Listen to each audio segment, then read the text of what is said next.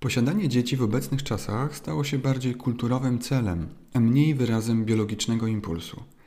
Instynkt macierzyński został zastąpiony przez obyczajową presję i lęk przed samotnością.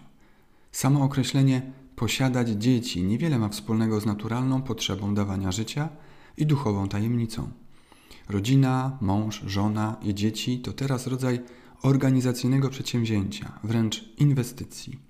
W dzieciach pokładamy wielkie nadzieje. Traktujemy jak swoje własne osiągnięcie, jak rodzaj lokaty. Dlatego tak wielką wagę przykładamy do ich edukacji, umiejętności, zdolności itd. Chcemy się nimi chwalić, jesteśmy dumni z ich zalet. Stają się wizerunkowym gadżetem, który ma świadczyć o naszej wartości. Uwielbiamy słuchać zdań w stylu: Macie takie mądre i zdolne dzieci. Oczekujemy więc, że będą piękne, dobrze się uczyć, uprawiać sporty, znać obce języki i mieć inne talenty. Rzekomo po to, żeby miały dobre życie. To jednak głównie zaspokajanie własnych potrzeb i ambicji.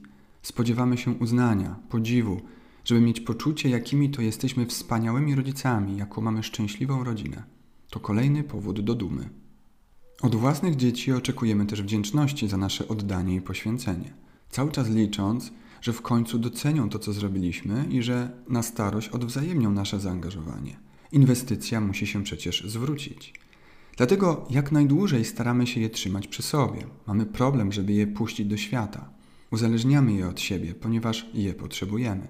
Mają ukoić nasz lęk przed samotnością, mają się nami opiekować, tak jak my nimi.